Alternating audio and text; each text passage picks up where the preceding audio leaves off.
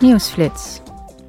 De Commissie Begrotingscontrole van het parlement heeft deze week aanbevolen kwijting te verlenen voor de uitvoering van de begroting van de Europese Commissie voor 2021. De betrokken parlementsleden keurden ook de rekeningen van het Europees Ontwikkelingsfonds en van 33 EU-agentschappen goed. Wel uiten ze hun bezorgdheid over de volgens hen zwakkere controles op de EU-fondsen voor herstel en veerkracht. Verder riepen ze op tot nieuwe regels voor de toegang van NGO's tot de Europese instellingen.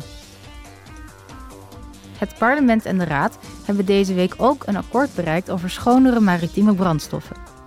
Tijdens de besprekingen zijn de parlementsleden erin geslaagd te zorgen voor een geleidelijke vermindering van de uitstoot van broeikasgassen door schepen, om zo de EU te helpen klimaatneutraal te worden.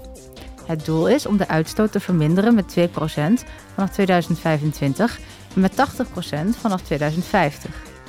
Dit geldt voor grotere schepen die verantwoordelijk zijn voor bijna alle CO2-emissies en voor alle energie die aan boord wordt gebruikt. Het akkoord voorziet ook in een doelstelling van 2% hernieuwbare brandstoffen vanaf 2034. De 26 nationale winnaars van de Europese Karel de Grote Prijs voor Jongeren zijn bekend. De drie Europese winnaars worden bekendgemaakt tijdens de prijsuitreiking op 12 mei in Aken. Elke nationale winnaar mag één vertegenwoordiger aanwijzen om de ceremonie en de winnaarsweek in Aken bij te wonen.